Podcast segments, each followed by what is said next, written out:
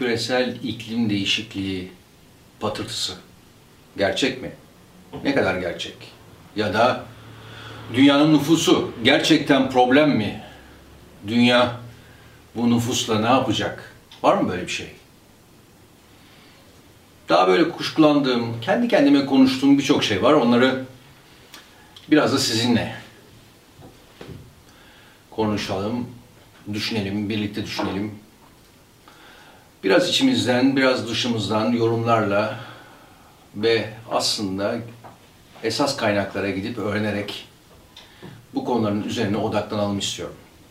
Bakın size bir şey okuyacağım. Kasım ayı tabiat takvimi. 2 Kasım kuş geçimi fırtınası. 4 Kasım lodos rüzgarları. 7 Kasım fırtına. 9 Kasım çiğ düşme zamanı. 12 Kasım pastırma yazı. 16 Kasım bütün haşeratın kıyı bucak saklanmaya başlaması. 24 Kasım soğuklar başlıyor. 27 Kasım ağaçlardan artık su çekiliyor. Yavaş yavaş ağaçlar kuruyorlar, gövdeleri kuruyor. Şimdi bakın iki şeye dikkat çekeceğim. Biri 24 Kasım soğukların başlaması diyor. Demek ki patırtı yapmaya gerek yok. Neye göre? Ninelerimizin takvimi bu. Hatta daha kadim bir takvim. Yüzlerce yıl öncesinden beri süren binlerce yıllık belki halkların folklorik Kasım ayı tabiat takvimi. 24 Kasım'da diyor soğukların başlaması. E ne yapıyoruz? Soğuklar başlamadı. Soğuklar başlamadı. Sızlanıyoruz. Ya da mesela 12 Kasım pastırma yazı. Yine nineler açısından bakacak olursak aslında 12 Kasım'a kadar bir nevi gecikmiş yaz ortamı demek bu. E yaşıyoruz işte. Bakın ne anlatacağım. Bunu niçin okudum? Şimdi e, bizim Meteoroloji Genel Müdürlüğü hatta Meteoroloji Genel Müdürü Ural Mutlu Coşkun dedi ki küresel ısınma nedeniyle iklim dengeleri alt üst oluyor. Bu yıl pek de kış beklemiyoruz öyle yağışlarla filan. Burada dikkat edeceğimiz şey şu. Evet zaten her yıl farklı bir iklim takvimi oluşuyor az çok. Ama şu demin okuduğum ninelerimizin tabiat takviminde nedense hep tutturuyor. Geçenlerde küresel iklimin kesin kes değiştiği ve kıyametin neredeyse bu bakımdan kıyametin neredeyse çok yakın olduğuna inanan bir arkadaşıma e bu küresel takvim tutuyor dedim. O da evet evet bak mesela Lodos başlıyor tam ona göre dedi. Tutuyorsa hani çok müthiş neredeyse kıyamete yakın biçimde değişen küresel iklimle esas hikaye şu anlatmak istediğim. Bir şeyler değişiyor. Ama değişen gerçekten küresel iklim mi? Yoksa başka bir numara mı dönüyor? Bunları artık kendimize sormamız lazım. Büyük şamata, medya büyük patırtı yapıyor bu konuda diye. Hemen baştan kara inanmak doğru mu? Mesela diyorlar ki, haklı olarak yani e, bilim insanları ama küresel iklim değişikliği kesin diye söz ediyorlar. Hatta bu konuda işte 250 bilim adamı toplandı. Amerikan Kongresi'ne bir e, açıklama yaptı ve küresel iklim değişikliği konusunda önlemlerin hiç gecikmeden alınması gerektiğini söyledi. Ya da işte bu Greta Thunberg, bu zavallı çocukcağız öne sürüldü. Niye zavallı diyorum? Şundan. Zaten çocuk problemli ve cidden bir vitrin oluşturuldu, bir sahne oluşturuldu onun için ve e, kullanılıyor açıkçası. Gerçekten iyi bir şeyi hedefliyor olsa da sözünü ettiği insani, insan eliyle oluşmuş küresel iklim değişikliği gerçek bile olsa bu çocuğun kullanılması problem. Sizin çocuğunuzun başına bu gelse ya da yakınlarınızın çocuğunun başına bu gelse ne oluyoruz ya çocukları istismar etmektir bu dersiniz ama Greta'ya bayılıyorsunuz ya da bayılmıyor. Hatta mesela dersiniz ki çocuklara mı kaldı bu iş ya ciddi olalım arkadaş. Ama konu Greta olunca denmiyor. Şimdi mesele şu. Aslında derin bir mesele ama çok hızlı anlatacağım. Hiç de öyle şey değil, anlaşılmayacak bir şey değil. Bir, küresel iklim değişikliği doğruysa bile bunun insan eliyle oluşan bir iklim değişikliği mi yoksa doğal, tabii nedenlerle oluşan bir iklim değişikliği mi? Bunu çözmemiz lazım. Bu konuda anlaşmazlık var. İki, ikinci daha önemli mesele şu. Yok küresel iklim değişikliği diyen bilim adamları medyaya çıkmıyorlar. Oysa küresel iklim değişikliği konusunda şamata yapanlardan sayıları çok daha fazla. Çok aralarında çok ilginç isimler var. Bunları bizim medyada gündeme getirmiyor.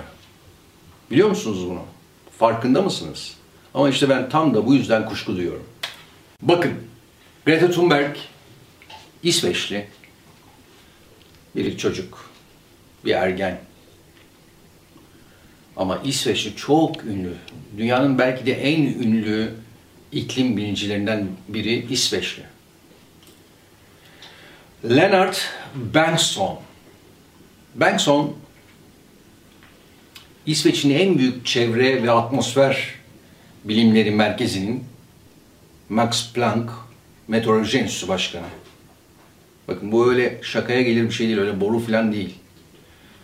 Çok ciddi bir enstitü bu. Oranın yöneticilerinden, o enstitünün yöneticilerinden Bengtsson ve çok e, prestijli bir birisi ve diyor ki McCarthy döneminde, Amerika'nın meşhur McCarthy dönemini andırıyor. McCarthy dönemindeki komünist avına çevirdiler bu iklim tartışmalarını diyor. Benson'un bu açıklamasını duyan var mı? Yok. Duydunuz mu? Hayır. Ama böyle diyor adam. Yani diyor ki ya iklim değişikliği konusunda patırtı yapıyorsunuz. Thunberg filan işte, Greta filan yani bu patırtının en büyük şovmenlerinden biri. Ama bu patırtıya katılmayanlara karşı da aslında resmen bir tür komünist avı gibi bir av başlattınız. Seslerini kısıyorsunuz, susturuyorsunuz, engelliyorsunuz, onlara kapıları kapatıyorsunuz. Bu adamcağızın hiç açıklamalarını şu veya bu medyada duydunuz mu? Hayır. Benim geçenlerde bir yazımda e, meraklısı bakabilir. Bilimde manzara sandığınız gibi değil başlıklı yazımda. Adından söz ettiğim birisi daha var. John Christie. Bu NASA'dan en büyük ödüllerden birini almış bir bilim insanı. Sıra dışı bilimsel başarı madalyası deniyor ona. Ben alarm niteliğinde bir iklim değişikliği durumu gözlemlemiyorum diyor. Ama çok daha ciddi bir şey söylüyor Christie. Eğer bu insanlar atmosferdeki karbon salımını ille de azaltmak istiyorlarsa yapacakları şey çok basit. Bütün dünyada nükleer enerji programlarını en güçlü şekilde devreye sokmalılar. Başka yolu yok. Yani diyor ki bir karar verin. Küresel iklim konusunda şamata yapanlara bir karar verin. Bu iş öyle etrafa sunduğunuz gibi değil. Çok istiyorsanız aslında uçakla, uçaklarla seyahat etmeyin. Çok istiyorsanız fosil yakıtları tümüyle kaldırın ve bütün ülkeleri nükleer enerji üretir hale getirin. Var mı? Hayır. Aynı insanlar, aynı küresel iklim patırtıcıları biliyorsunuz aynı zamanda nükleer enerjiye de karşılar. Başka bir numara dönüyor. Şimdilik bu kadar bırakayım bir küçük not daha koyacağım. Eğlenceli ve ama uyarıcı.